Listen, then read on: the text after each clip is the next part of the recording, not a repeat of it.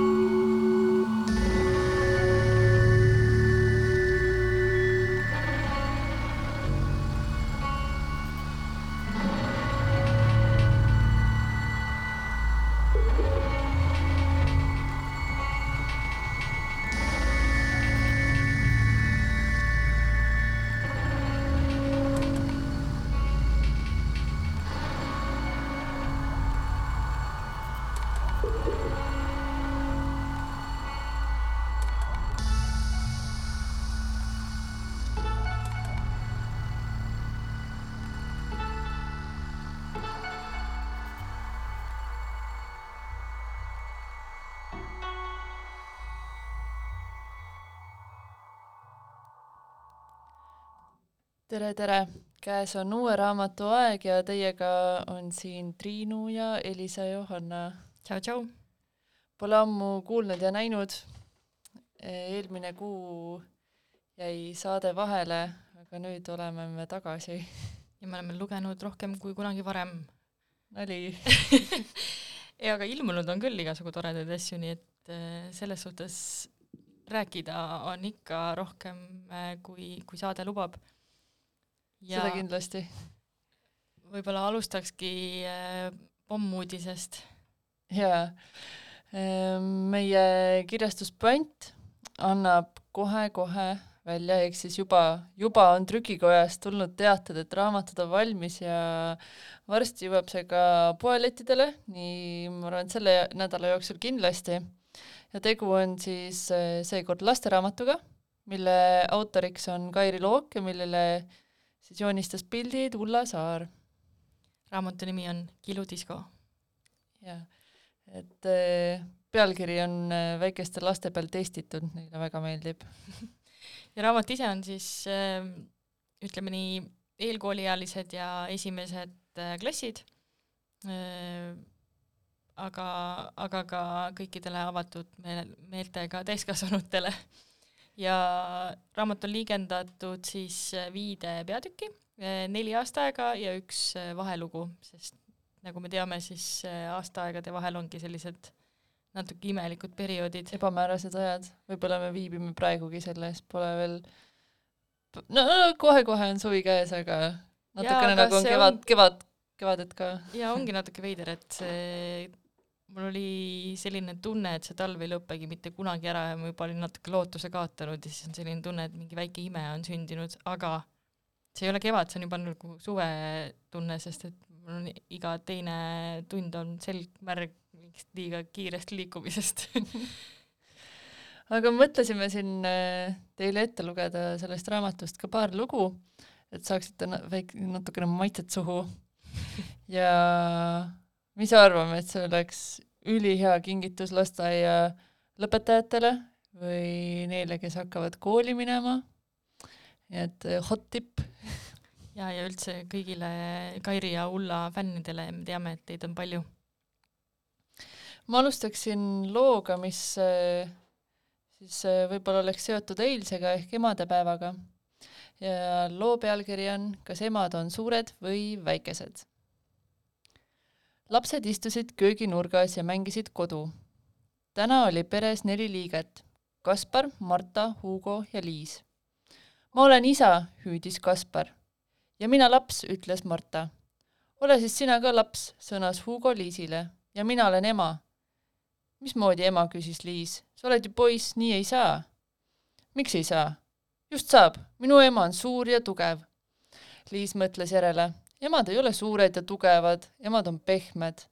aga minu ema on suur, ütles Hugo. kui ta siia tuleks, läheks ta pea kohe läbi lae. ta murraks sinna augu ja võiks meid kõiki üles võimlasse tõsta. Liis vaatas lakke. valetad, sosistas ta. ükski ema ei ole nii tugev ja nii pikk isegi minu isa ei ulatu sinna üles. sinu isa on kõnn, kostis Hugo. hakkame nüüd mängima. tere, lapsed, täna ehitame onni. Ta haaras võimlemismati servast kinni. su enda isa on kõnn, solvus Liis. ja emad ei ehita onni. emad teevad patse ja õunakooke. Nad on pehmed ja lõhnavad hästi. ta marssis pahaselt minema.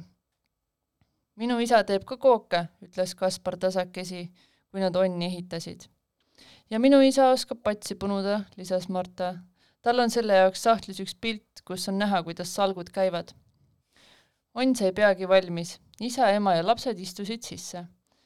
mängime, et onn jääb tormi kätte ja siis mina päästan teid ära, ütles Kaspar. kõik olid nõus. Kaspar ronis välja. ta jõudis vaevalt sammu teha, kui uksele ilmus hiiglasuur naine. tal oli dress seljas ja krunn peas ja ta ulatus peaaegu laeni välja ma tulin täna varem, seletas naine õpetajale. meistrikad käivad, meil on Kossu poolfinaal. ma võtan Hugo kaasa. Hugo ema oli tõepoolest pikka kasvu. õpetaja Rasmus ülitas tema ja siis enda käsi varsi. ta polnud ammu trennis käinud. muidugi pomises ta. soovin edu. ole meheks, rõõmustas ema ja lõi õpetajale matsu vastu selga. siis haaras ta Hugo kaenlasse ja tõstis poisi õlgadele. noh, Paharet, oled valmis? Hugo pea koksas vastu lage. valmis, itsitas ta, hoidke mu emale pöialt. lapsed ja õpetaja Rasmus noogutasid sõnatult. Olge tubli, soovis Liis. mitte tubli, vaid tugev, ütles Hugo ema ja lõi Liisile plaksu. ta käsi oli pehme ja lõhnas hästi. võib-olla ehitas ta tõesti onne ka. kuidas sinu emaga lood on? kas ta on pehme ja lõhnab hästi või suur ja tugev? kõiki neid kokku sellist vastust ma ootasingi nii, ja millise loo oled sina välja valinud? Ma valisin välja midagi sellist, mis, mis rõõmustab mind ka praegu, aga ma arvan, et äh, laps äh, Liisat oleks see nagu eriti pöördesse ajanud loo nimi on Voodi all. Madis jõudis koju ja ronis voodi alla. ta õngitses taskust käbi ja poetas selle nurka männijuurikas ja auguga kivi olid juba seal ees. mis sa korjad omale sodituppa, noomis ema. See ei ole sodi, vaid loodus, vastas Madis. niimoodi kolib sulle varsti voodi alla mõni orav, ohkas ema. orav? Madise silmad lõid särama. ta oli suur loomasõber ja igatses endale ammu koera, aga elus orav. Madise süda hakkas kiiremini lööma. peagi tekkis voodi alla terve käbimägi, aga oravast polnud mingit märki. lisaks korjas Madis mere äärest kive. Äkki kolib moodi, voodi alla mõni mereelanik. hall ül-, hüljes või vähemalt kilud ja igaks juhuks poetas Madis käbide taha ka kuivanud koera Pabula. kes teab, äkki aitab see koera soovile kaasa. kätte jõudis Madise sünnipäevakuu aprill, aga oravast polnud jälgegi. emaga läks ka aina raskemaks. käbid voodi alla ei, voodi all ei meeldinud talle. Ükski laps ei ela nii, et tuba on käbisid täis, porises ta. aga Madis arvas teisiti. just nii tulebki elada. käbid jäid sünnipäeva hommikul, kui Madis ärkas, ei suutnud ta oma silmi uskuda. voodi serval istus orav. kes sa oled? küsis Madis. orav, vastas orav. ma ei saanud varem tulla, teed olid libedad. voodi alt kostis naeru. Madis kallutas end vaatama. Hüljes, ütles hüljes. ma ka ei saanud varem, rannaäär oli vetikaid täis. sellest pole midagi, ütles Madis tore, et te lõpuks jõudsite. kas ma teen teile voodi alla pesa? mis pesa? hüüdsid orav ja hüljes. me tulime su sünnipäevale. voodi pole meie leviala. mis asi? ei saanud Madis aru. Leviala, kordas orav ehk elupaik. me elame õues, mitte voodi all. Noh, palju õnne siis, me hakkame nüüd koju minema. Madis ohkas ära kurvasta, sul on voodi all ju üht-teist veel, tähendas orav ja siis kostis esitu-, esikust haugatus. Madis hüppas püsti ja kihutas esikusse. uksel seisid ema ja isa ja seal oli veel keegi, väikesed kõrvad püsti peas. saa tuttavaks, see on Bobi, ütles ema. ta on nüüd sinu oma. palju õnne sünnipäevaks. Madis neelatas. ta kükitas ja tegi kutsikale pai saime ta lõpuks pesakonnast kätte, sõnas isa. kuulsa suguvõsaga taks. kas tead, kust ta pärit on? Madis noogutas. ta teadis täpselt. voodi alt, kostis ta ja haaras Bobi kaenlasse. voodi alt, kortsutas isa kulmu. aga Madisel polnud enam mahti vanematega rääkida.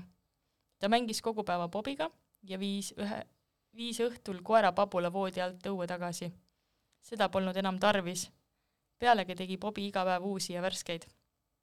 ja Madis ja Bobi käisid tihti metsas ja rannas, orava ja hülge levialal ja öösiti magas Bobi vood-, Madise voodi ees.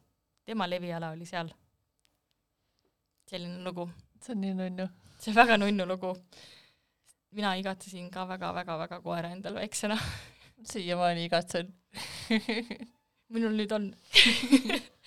Aga see minu arust on lihtsalt nii lahe, kuidas äh, Kairi on tabanud selle lapse äh, kujutlusvõime lennu siin, et, et kui sa paned selle käbi endale voodi alla, siis äkki tuleb orav ja äkki tuleb see hüljes. Ja no äkki see pabul aitab ka kaasa millelegi.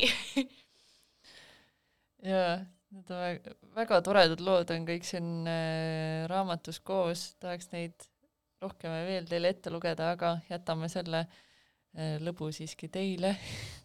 jaa, ja kui kõik läheb hästi, siis te võite juba igaks juhuks kolmanda juuni peale panna sellise rasvase ristikese, äh, mis on seotud selle raamatuga, aga ma igaks juhuks rohkem ei ütle midagi. aga igaks juhuks võib ikka panna. jah yeah.. kas me teeme ühe mm, muusikalise vahepala ja siis jätkame täiskasvanute raamatutega? teeme nii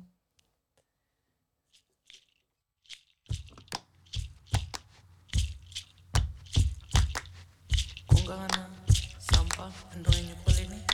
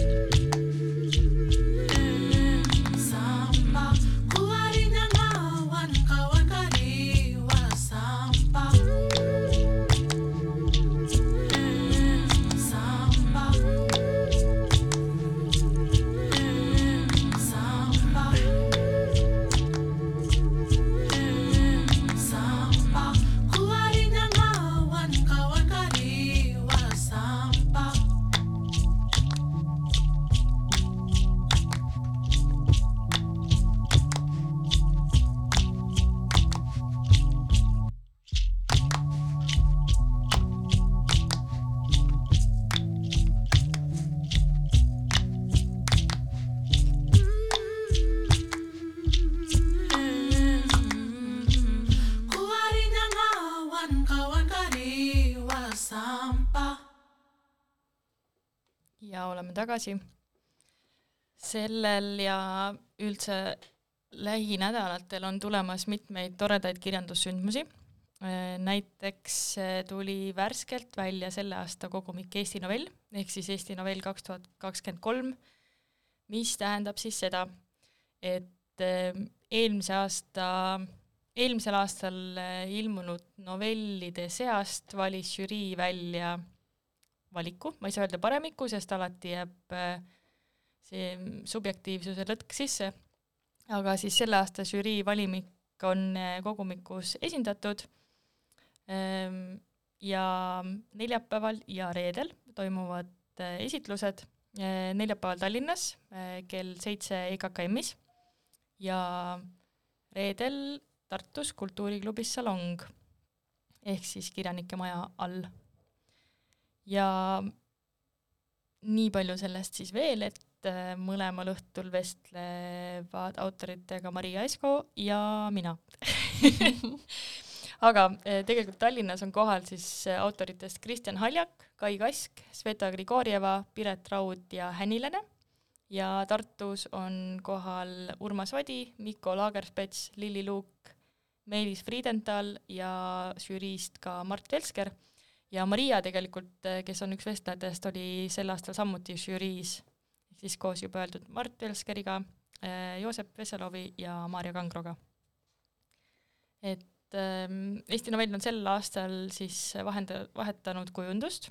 Äh,, eelmised viis aastat oli, valmisid Asko Künnapi käe all ja nüüd järgmised viis aastat loodetavasti Allan Appelbergi käe all.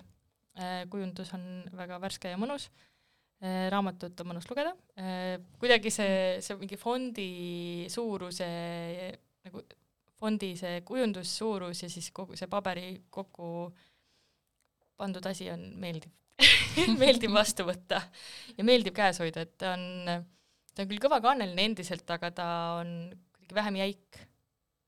et ta ei ole nii külm relv, kui, kui osad kõvakaanelised raamatud on ja mis mulle üldse meeldib äh, Allan Appelbergi äh, lahendus, et äh, sisukord on pandud kaane peale. et tagakaas on siis sisukord. äh, ma olen küll see inimene, kes mulle esiteks meeldib tea-, meeldib teada, kui pikk on lugu, mida ma lugema hakkan. et lihtsalt mulle meeldib seda teada mul on sama asi. et siis ma vaatan tagakaane pealt, ahah, jaa, et ma enne magamaminekut selle jõuan veel ära lugeda näiteks. mm. -hmm. ja siis üldse, kui sa midagi otsid, siis muidu sa lähed sinna sisse, sa ei saa kunagi seda esimese korraga kätte, seda lehte, mis sul vaja on, siis see on tagakaane peal. see on geniaalne. see on päris geniaalne lahendus, jah. jaa.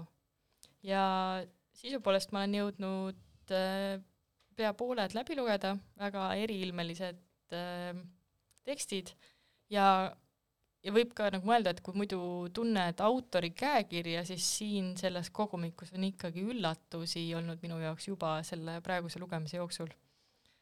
et kindlasti novellisõpradel tasub kätte võtta ja ka kõigil teistel, sest mul on selline tunne, et novell on endiselt selline žanr, mida natuke kardetakse ehm, mis noh, mingis mõttes on arusaadav, et sa pead iga kord siis nagu uuesti süvenema ja uuesti aru saama, mis see liin on, kes need tegelased on, et mis, mis, mida nad üldse ajavad, et see, mis see tegevuskäik on. et sa võib-olla oled oma mõtetega juba se- olles alles selles eelmises äh, tekstis ja siis juba on mingisugune Triinu tuleb, aga alles ta oli Elisa ja mis värk on? samas mulle tundub, et novell võiks just olla tänapäeva inimese selline meelisžanr, kuna on eh, lühike, saad kohe teada, mis värk on mm, Mhm. käib kiiresti, et selline mm, head ampsud. ja selles kogumikus on küsitud autoritelt ka kaks küsimust, millest üks on siis, et kes sa oleksid, kui sa poleks kirjanik ja teine on, et miks kirjutasid novelli, aga miks mit, mitte näiteks äh, romaani või luuletust või midagi muud. siis Ilja Prozorov vastab selle peale, novell on kõige raskem žanr. Mõnikord on väga raske mõnda lugu väikesesse teksti hulka mahutada. punkt. aga kes eh, sul praegu loetutest on valmistanud kõige suurema üllatuse? mm.. Ilja Prozoroviga oligi tegelikult üllatus, et äh, ta oli kuidagi teistmoodi lugu, kui tal varem on olnud, et tal on mingi lohutu aspekt alati sees olnud, aga see lugu oli minu arust kuidagi eriti selline lohutu et see, et sa loed seda ja sa lihtsalt nagu tahaks seda tegelast raputada, et nagu mingi, ta veel esitab selle selle õnnetu tegelase loo läbi teise või seal on niisugune see kõikevaatav äh, jutustaja, ehk siis ta ei ole nagu otseselt ei ühe ega teise vaataja aspektist, aga kuidagi ta ühte nendest tegelastest siis nagu räägib nii mannetuks, et ma tahaks teda raputada. Ja nagu mingis mõttes on Prozorov seda ka enne teinud, et kui ma mõtlen äh, nende tekstide peale, mis olid äh, tema selles äh, kogumikus, mis aasta alguse poole Loomingu Raamatukogus ilmus, siis seal on samamoodi, et need tegelased on mingis mõttes nagu elule jalgu jäänud, et neil ei, neil ei lähe kõige paremini. Ja samas võib-olla on seal ka mingi naiivsus, mis, mis paneb neid võib-olla mitte kõige targemini käituma, aga nagu lootusega, et siit võib ainult paremaks minna, kui ma lihtsalt pingutan piisavalt palju siis selles tekstis on tegelane, kes usub mingisse õnnetusse armastusse, mis on nagu kõrvaltvaataja pilgul öelda mingi täielik sitt. et siis ma läksin nagu närvi seda lugu lugedes, aga see üllatas mind samas, et ma ei oleks oodanud sellelt autorilt sellist, sellist teksti. jaa, see on ainult äh, hea märk, kui autor suudab sind närvi ajada või siis noh, tugevaid tundeid tekitada, et järelikult, järelikult on väga meisterlikult kirjutatud. ja kuigi ma noh, mingil määral ikkagi hoian pilku peal ka ajakirjanduses ilmuvatel novellidel, siis siin äh, raamatus on äh, väga vähe tekste, mida ma olen enne lugenud, nii et mul on väga palju avastamist veel ees. ja kuna ma alles nüüd alustasin, siis eh, novell on ka selline žanr, mida minu arust ei saa liiga palju järjest lugeda, sest just sellepärast, et need tegevustikud muutuvad, et ma ise ei suuda nii kiiresti ümber lülituda, et eh, kuskil kaks tükki järjest on piisav mu jaoks, et siis vaadata midagi muud. või siis natukese aja pärast naasta, et äh, aru saada, kas, kas saab edasi minna või mitte. nii, aga jätkame veel äh, ürituste teemadel. järgmine nädal on äh, algamas Head Read festival, mis on siis kakskümmend neli kuni kakskümmend kaheksa mai. ja seal saab ka kuulata Elisat igal rindel. ja Elisa siis vestleb kahekümne seitsmendal mail kell kolm Keit Mossega ja Keit Mosse on siis inglise mm, kirjanik ja ajakirjanik ja eesti keeles on tal äh, ilmunud praeguseks äh, kaks teost, aga kirjutanud on ta, on ta rohkemgi veel. tegelikult on tal paar lühilugu ka ilmunud, jah, aga see on, need on need Agatha Christie vaimus väl-, kirjutatud äh, tekstid, mis ilmusid mitme autori peale, ehk siis äh, raamatu nimi on ma ei mäleta, Miss Marple'i lood on igatahes, aga need ongi siis nagu Miss Marple'i lood edasi kirjutatud pärast seda, kui Agatha Christie on juba lahkunud. et need on ka veel ilmunud eesti keeles.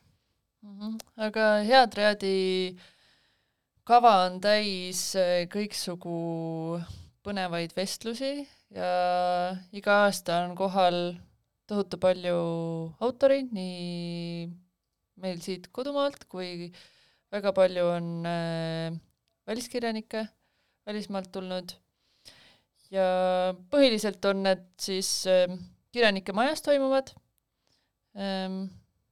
ma praegu selleaastase kavaga ei ole tutvunud, et kus äh,, kus neid veel aset leiavad peale kirjanike maja. lastekirjanduse keskuses Ah, on jaa. äh, laialdane lastekirjanduse programm jah, laste oma ka. ja siis on äh, erinevad etendused, kontserdid, mis on linna peal äh, laiali. mm. -hmm. aga vestlused on, on põhiliselt äh, kirjanike majas. just. seal on äh, äh, kindlasti tahaks rõhutada mõnda vestlust äh, kõikide teiste heade seas aga ma ise olen väga elevil näiteks Monik äh, Rohvi ja Kaisa Lingi vestlusest, siis on tulemas Mihhail Šiškin ja Harri Tiido, mis tõenäoliselt tundub selline, et see, selle saali piirid pannakse proovile nagu mahutavuse osas. Eero Epner ja Maarja Undusk tundub kindlasti väga, väga lahe kooslus. ja seal oli veel, ma nüüd ei tea, keda ma tahtsin veel välja tuua, ahaa, ja selle autori nime ütlemisega on mul alati raskusi, nii et andke mulle kohe juba ette andeks. Kristina Sabalioskaite, jess, ja Linda Kaljundi kaks äh, vägevat äh, naist, äh, et Sabalioskaitel on ilmunud Peetri käis rinna üks ja kaks ajalehesed romaanid ja temaga vestleb muidugi meie ajaloo superstaar, üks lahedamaid õppejõude, kelle all ma olen õppinud, Linda Kaljundi väga hea tutvustus. nüüd kõik lähevad. loodetavasti, näeme seal. Aga mis ise oled viimasel lugenud? mul pole lugemiseks liiga palju aega jäänud, sest et äh, ma ehitan aga ehitamise vahepeale äh, olen ma lugenud äh, siis Alex Schulmani, kes on äh, kirjanik ja ajakirjanik ja ta on äh, Rootsi autor. Väid-, väidetavalt on tal ka Rootsi üks kuulsamaid podcast'e, aga ma ei tea, pole kuulanud, ei saa aru sellest. see on rootsikeelne siis see on rootsikeelne ka, jaa. aga raamat, mida ma lugesin, on Ellujääjad ja see on lugu kolmest vennast ja nende murenevast perekonnast. see autor ise on äh, ka öelnud, et ta tekstid äh, või just eriti see raamat on äh, siis mõjutatud Christopher äh, Nolani filmidest. Ja siin on ka selline ajaline nihestatus pidevalt, et kord oleme minevikus, siis äh, oleme nii-öelda praeguses hetkes ja vahepeal need ka, need ajad ristuvad, et äh, üks stseen oli eriti filmilik, kuidas äh, pere istub autos ja sõidab mööda oma sellest samasest perest, kes, kes on autoga kraavi sõitnud. et eh, kaks autot, kus mõlemas on samad pered, aga siis üks sõidab sellest mööda, kes on eh, kraavi sõitnud. et see, see hetk, see oli nii minu meelest otse seal mingi Nolani filmist et kus kaks autot sõidab mööda ja tegelased vaatavad üksteisele otsa ja nad saavad aru, et siin on mingi mingi nihe. mingi nihe on toimunud. jaa, aga mulle, mulle väga istus selline stiil, kuna ma ei tea, mulle tundub, et aeg ei olegi tegelikult nii väga lineaarne, et et see, et kui sa mõtled minevikule ja sealt mingeid asju ära lahendad, siis see tähendab, et sinu olevik muutub ja siin minu meelest on, selles raamatus on ülihästi seda edasi antud ka, et äh, see oli selline mm, natukene õnnetu perekond, vanemad olid äh, alkohoolikud, aga sellest mina ei saanud kohe aru, et need lapsepõlve kirjeldused, mis olid, olid natukene idüllilised, idüllilised, et maakohas, järve ääres vanemad õhtuti teevad äh, veini pudeli lahti, joovad oma klaasikese, aga siis ma sain aru, et seda juhtub kogu aeg, kogu aeg võetakse kuskil klaasike ja klaasike ja klaasike ja see, et nad eh, iga õhtu vaatavad eh, nii-öelda jutumärkides romantiliselt eh, päikseloojangut järve kaldal, aga sinna juurde käis siis alati mitu pudelit jooki. ja see, kuidas nad oma poegadega suhtlevad, et see tuleb ka järjest mm, kuidagi neid kihte järjest äh, avatakse, alguses tundub, et on täitsa normaalne perekond, aga siis mida edasi aeg läheb, siis saad aru, et et nii katkine on tegelikult kõik see ja see alkoholism mm, on oma jälje jätnud siis kõigele tegelikult ja on üks poegadest ka, Benjamin, kelle silmade läbi või kelle läbi on see raamat siis tegelikult kirjutatud, et kui ta kooli läks, siis ta, tema vend läks ka samal ajal äh, kooli või noh, üks vend oli temast vanem, üks vend oli temast äh, noorem. Ja siis ta vaatas koolis, et miks tema vend teiste kõrval äh, külmetab ja miks ta väriseb ja miks tal nii õhuke jope seljas on ja vaatas, et teistel lastel on hoopis teistsugused riided ja teine hoiak. ja siis ta sai lõpuks või no siis ta tol hetkel sai aru, et tal endal on ka hästi õhuke jope ja ta tegelikult on külm. et alles seal koolis teiste laste kõrval ta sai aru, et nad on vaesed, neil on äh, väga räpane kodu, nad haisevad, et, et enne, enne kooli minekut justkui üldse ei, ei saadud aru, et nad on teistmoodi aga seal siis äh, hakkas see äh, välja paistma ja kuidagi neile jõudis nii-öelda kohale. aga põhiliin selles äh, raamatus on äh, ikkagi vendadevahelisest äh, suhtlusest, kuidas mingid asjad, mis lapsepõlves äh, toimuvad, et kolm, nende kolme venna jaoks võivad need olla äh, nii erinevad sündmused, kui ük- üks asi juhtub, aga kõik näevad seda erinevalt.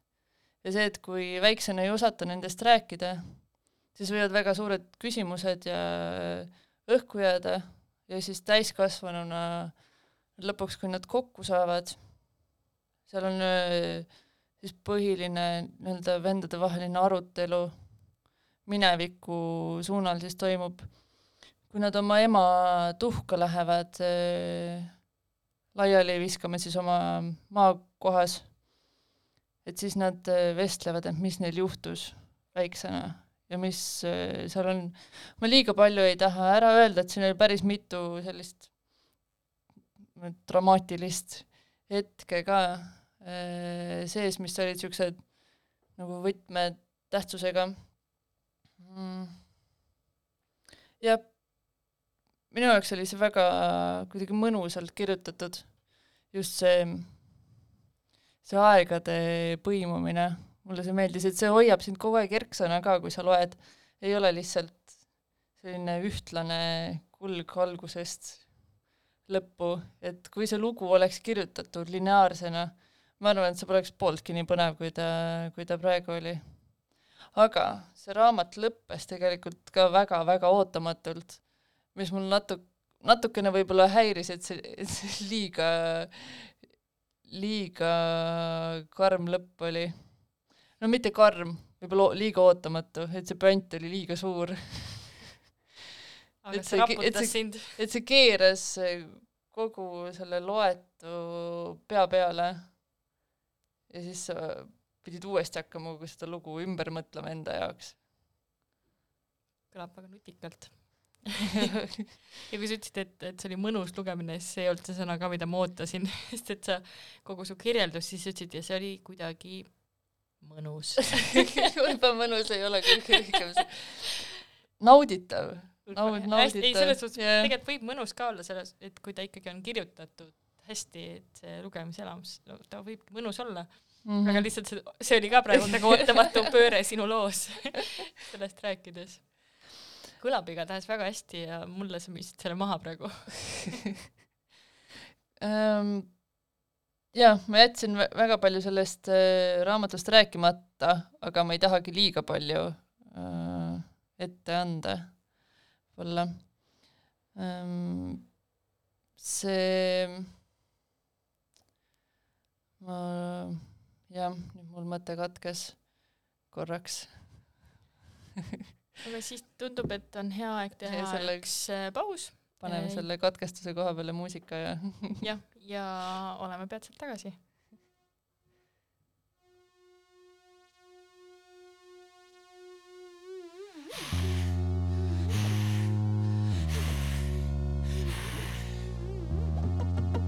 I'm shadows in the gallows, collecting what was stolen from me.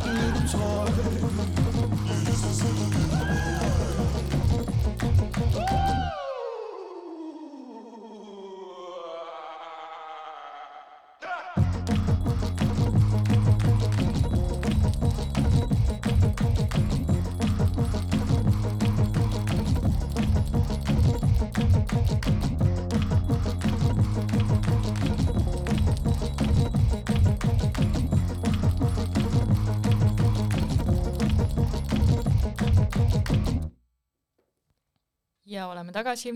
Ehm, kui enne tuli jutuks äh, Eesti novellisaak, siis võtame jutuks ka Argentiina novellid. Eh, tegelikult eh, ma arvan, et see autor eh, on puänti pikemalt jälginud inimestele tuttav, siis kui meil kunagi oli kaasloome, siis Kairi Look soovitas seda autorit, Mariana Enriquez, ja mingi hetk tundus, et kõik loevad teda ja kiidavad väga ja siis oli küll jah, kinnitan siis mul tekkis hirm, sest äh, see tähendab, et ma üldjuhul pettun. ja mul on, enne kui me poe kinni panime, siis ühe ma äh, soetasin endale nii, et see sai meil transpordis kahjustada ja ta oli nagu, ta on siiamaani niisugune veits lappest, et ta oli, ta oli märg kui ta meile kohale jõudis. siis ma soetasin tema selle teise kogu ka mm,. Ja mõtlesin, et okei okay,, nüüd, nüüd on õige hetk. Lihtsalt üks päev tundus, et täna. ja ma lugesin enne tema kogumikku The Dangers of Smoking in Bed, mille kohta paljud eh, tuttavad ja sõbrad ütlesid, et see on jah, päris tore, aga see, see teine kogu on see, see kogu. Ja see teine kogu on siis Things we lost in the fire. Ja miks ma selle võrdluse välja toon, siis mulle endale tundus neid lugedes, et äh, võib-olla oleneb, kumba sa enne loed, et kui sa loed enne Things we lost in the fire kogumikku, siis see loob mingisuguse fooni sellest, kuidas see autor kirjutab. Ja see teine kogu ähm, äh, voodis suitsetamise ohtlikkusest siis pealkirjaga äh, on äh, kuidagi jõulisem ja ja otse su näos versus siis esimene on selline atmosfääriline, et et Enriquez kirjutab äh, mitte ka nagu sada protsenti õuduslugusid, aga tal on selline mingi kooti äh, lugude teema on sees, tal on mingid õõvaelemendid, need õõvaelemendid ei ole alati äh, lõpuni ära kirjeldatud äh, ja siis siit tuleb ka selle kahe kogumiku vahe väga hästi välja, et see Things we lost in the fire on see, et kui sa mõtled sellele, et see autor kirjutab mingil määral õuduslugusid, siis sa tunnetad seda õõva ligi hiilimas. ta on nagu, nagu suits, mis tuleb äh, ukse alt. ja siis see teine kogu on selline, et siin on veri ja see on su näos ja sa ei tea, kust see tuli et äh, väga-väga huvitav käekiri on tal äh, ma nüüd ootan huviga ka tema romaani lugemist, mis, mis Triinul on hetkel pooleli, nagu me vahepeal siin kindlaks tegime jaa, et selles romaanis jätkub ka tema äh, see õõvastav ja selline natukene maagiline stiil. mm. -hmm. see romaan on jah, tal niisugune päris hea paks klots, et ma olen, äh, jõudsin sellega kuhugile kahe kolmandiku peale, siis ma tundsin, et nüüd mul on veits pausi vaja sellest. aga ega siiamaani mul on see väga meeldinud, ülihästi kirjutatud mm,. see hoiab ka sind niimoodi seal äh, kinni selles tegevustikus. Äh,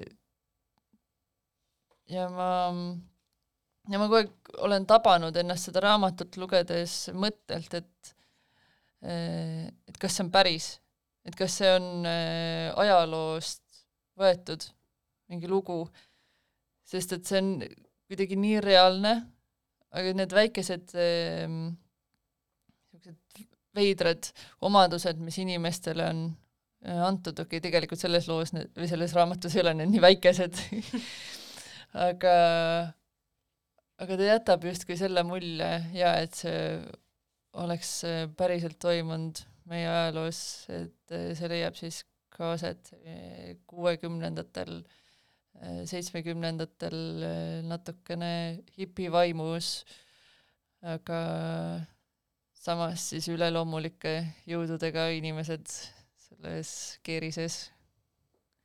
ja tal on see element juures, et esiteks tuleb siit see Ladina-Ameerika mm, erinev maailma nägemine või, või kuidagi mingid tavad tulevad ka sisse, et nendes lugudes tihti on äh, toodud sisse see, et kuidas tänavatele on pandud altarid, et see on, sul on mingisugune atmosfäär loodud, et täna on siin tänaval hästi palju väikest altarit, sa kujutad neid küünlaid seal ette ja siis ta juba tekitab selle meeleolu sulle sellega, et sa kõnnid mööda seda tänavat koos selle tegelasega, siis sul on need küünlad seal, võib-olla natuke ebatavalised altarid ebatavalistele jumalatele, et siin ma ei tea isegi enam kumma kogumiku peal oli üks lugu, kus oli siis äh, sellise natukene veidrale surmajumalale hästi palju altareid ja see oli äh, äärelinnas, nii et selline vaene piirkond ja kuidagi see tekitas selle küsimuse selles äh, mina jutustajas, et et miks, miks küll ja miks sel päeval näiteks. et ta, et ta toob jah seda müstikat sisse, isegi kui see no, altar iseenesest ei pruugi olla müstiline, aga kui neid on hästi palju ja korraga ja kummardatakse näiteks kedagi ebatraditsioonilist mm. -hmm. kas nendes äh, novellikogumites on ka inimestel äh, üleloomulikud võimed? mm,? mitte otseselt, siin on äh, näiteks üks lugu, mille peale ma mõtlesin, et ma äkki räägiks sellest, on äh, loo nimi on Need lapsed, kes, kes tulevad tagasi, mis räägib, lugu ise on selline, et on ähm, naine, kes töötab linna kadunud laste ja noorukite dokumentide haldamisega. ehk siis tema nagu vaatab, mis lood need on, hoiab nagu pilku peal, aga ta saab aru, et ta ise on ka mingi hetk nagu liiga äh, kiindunud nendesse lastesse, ke-, kes seal lugudes on ja eriti siis näiteks ühte, ühte la-, lapsesse, kes, kelle pilt kuidagi lummas ta ära.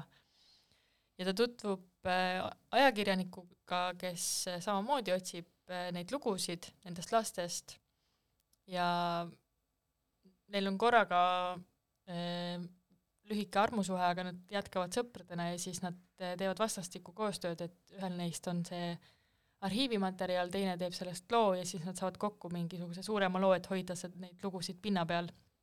eriti kui seal on, tulevad mingid uued asjad välja. aga mingi hetk nad saavad aru, et kuna nad mõlemad on selles äh, teemas, selle teemaga kursis, äh, et need lapsed hakkavad järjest äh, tagasi ilmuma aga kui laps on kaduma läinud viis aastat tagasi, siis ta ilmub tagasi viis aast-, viis aastat hiljem täpselt samades riietes, täpselt samas vanuses, kui siis, kui ta kaduma läks mm.. ehk siis need, need lapsed tulevad välja, esimene hetk on vanemad äh, väga õnnelikud, sest kui su kadunud laps ilmub, siis sa ei, võib-olla ei tekita küsimust sellest, et okei okay,, ta oli viieaastane, kui ta kadus ja nüüd ta peaks kümme olema, aga ta on nüüd viis, no vahet ei ole, minu laps just, et nende mälestustest on ikkagi see Viiene. viiene, et see Mhm. pilt, mis neile viimati jäi. Aga siis äh, nagu arvata võib, et selgub, et midagi on nende lastega nihkes, aga keegi ei oska nagu lõpuni öelda, et et kes see siis on, kes tagasi tuli, aga nad toovad need lapsed justkui tagasi linnavalitsusse ja ütlevad, et see ei ole minu laps, ma ei tea, kes see on. et ta võib välja näha nagu mu laps, aga see ei ole mu laps. siis kuidagi see, see üleloomulikkus ongi see, et need ei ole need ta ei kirjelda ära, et kust need lapsed tulid või miks nad tulid või kuidas nad toimetavad, aga seal on see mingisugune õudus, et mingid lapsed ilmuvad kuskilt, sa ei tea, mis nendega on tehtud ja kes need üldse on, kes tagasi tulid. et sellised üleloomulikud äh, juhtumist on justkui nagu võimeid ei ole, aga selline ühiskond üldiselt. jaa, mõistan. ma seda lugu kuulates mõtlesin, et äh, kas huvitav, sellesse romaani on kokku kirjutatud kõik need eelnevad novellid. selline liin on seal sees, ma saan aru. seal hästi väikene osa sellest, aga, aga on küll ja seal on ka nii, et äh, mitte, noh, see võiks olla siis vastand sellele loole, mida sina rääkisid just, et selles romaanis äh, on siis kirjeldatud, kuidas lapsi röövitakse et äh, on üks sekt, kes äh, siis ähm, kutsub nii-öelda välja pimedust, et see on the darkness, et keda kummardatakse ja talle on siis vaja mm, ohvriande ja, ja otsitakse ka laste seast äh, meediume, et kes suudaksid selle darknessiga siis äh, suhelda. ja siis see sekt siis mm, võttis need lapsed, keda sinu jutus siis eh, taga otsiti, ma arvan. jah, selle loo, ma ei saa selle loo lõppu ära rääkida, eks loed kunagi, et nad sinna sekti ei jõudnud, aga võib-olla kuhugi mujale aga eh, ma ühel lool tahaksin veel, siin on ähm, mul nende kahe kogumiku peale on tekkinud omad lemmikud ja ja mulle need kogumikud mõlemad äh, väga meeldisid, väga erinevatel põhjustel, aga mm, kuna mina lugesin siis esimesena seda, mille kohta öeldi, et see ei ole see the shit siis, siis ma läksin natukene nagu skeptiliselt selle teise peale, mis pidi olema see parim kogumik ähm, ja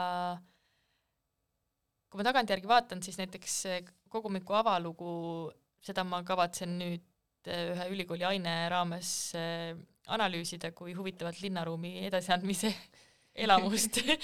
Aga äh, mis lugu mind siis sellest kogumikust pani tundma, et kurat, kui hästi on see kirjutatud, on Adela's House.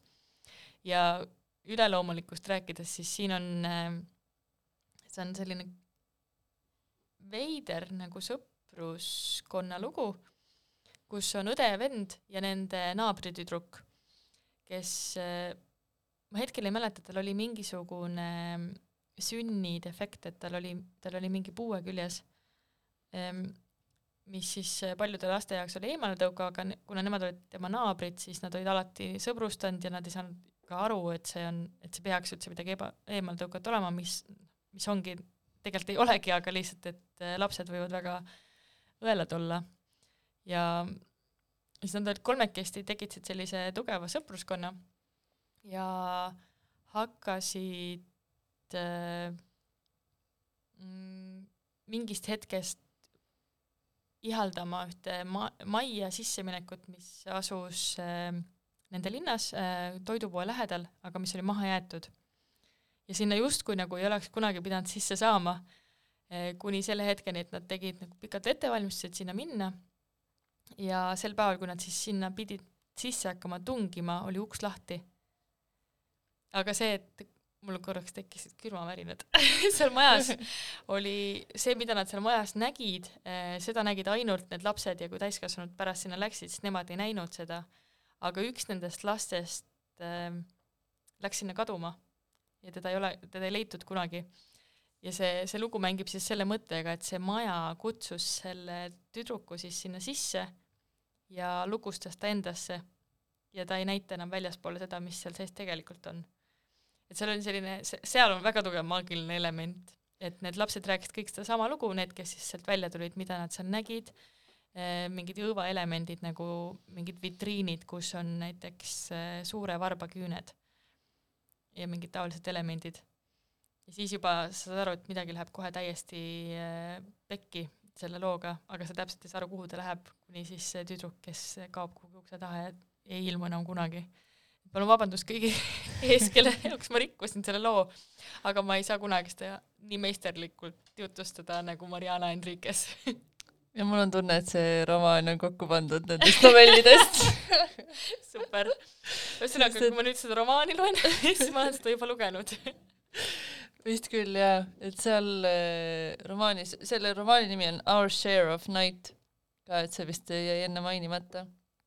Aga seal on äh, väga, väga sarnane äh, seik, seal on küll äh, üks väike poiss, siis kellel on nii-öelda need üleloomulikud võimed, kes saabki käia kohtades, kus teised ei saa, aga see, aga see oli ka seesamune, et see, see väik-, väikeste laste sõpruskond olid sinna mahajäetud majja tahtnud sisse minna nii kaua aega ja nad kõik kartsid ja nad plaanisid ja nad mõtlesid, nii, milline on see õige päev, kui me selle selle vastu võtame, et me nüüd lähme sinna ja see on uks lukus, me ei saa sinna sisse. aga siis see peategelane poiss, väike poiss, et siis tema suutis selle ukse avada ja see oli samamoodi, et üks läks kaduma ja -hmm. jah, see maja oli seestpoolt kõike muud, mis ta oli väljaspoolt mm. -hmm. nii et äh, jah, tundub, et on pandud. et tal on et... elemente aga mm, ühest neist raamatutest on ka siis tõlkija märkused ja tegelikult ta toob sisse, et Mariana Enriquez, ta võtab väga palju elemente, mis on äh, Argentiina olnud äh, aastate, aastakümnete jooksul, et kõik need vaesuse elemendid ja äärelinnastumine, äh, laste mm, pätistumine et kõik need elemendid, mis on olnud probleemiks siis Buenos Aireses ja Argentiinas äh, laiemalt, siis ta on toonud need oma lugudesse sisse, et kui sa ütlesid, et kas see on olnud mingi sündmus, mis on toimunud, siis mingil määral võib-olla on mm, -hmm. mitte kindlasti sellel kujul, aga ta, ta mängib küll äh, nende elementidega ja ta osutab valukohtadele ühiskonnas mm -hmm. Väga tugevalt. ja enne kui me tänase saate lõpetame, siis ma saan niimoodi vihjamisi öelda, et üks nendest kahest jutukogumikust äh, umbes järgmine aasta ilmub ka eesti keeles äh,, väga heas tõlkes, aga kui juba kibeleb, siis inglise keeles oli ka suurepärane. Ja soovitame nii novellikogusid kui siis seda romaani, mille kohta äh, ma olen lugenud ka, et internetis inimesed ütlevad, see on parim raamat, mida ma eales lugenud olen super. Mariana Enriquez tasub lugeda ja mul on tunne üldse, et äh, Ladina-Ameerika kirjanduses toimub mingi täiesti mingi omaette põnev teema, et nii palju, kui ma olen sattunud nüüd viimastel aastatel või isegi viimasel aastal lugema, siis selline mingi süngus hiilib neis kõigis. nagu teadupärast mulle see sünge meeldib et lugege Ladina-Ameerika autoreid. ja avastage maailma ja kohtume taas kuu aja pärast. tšau, tšau..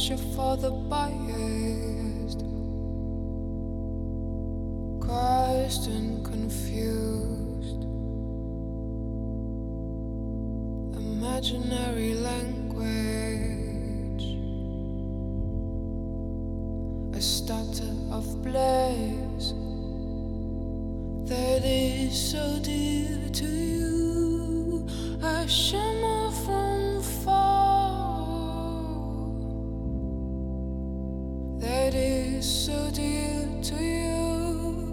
爱什么？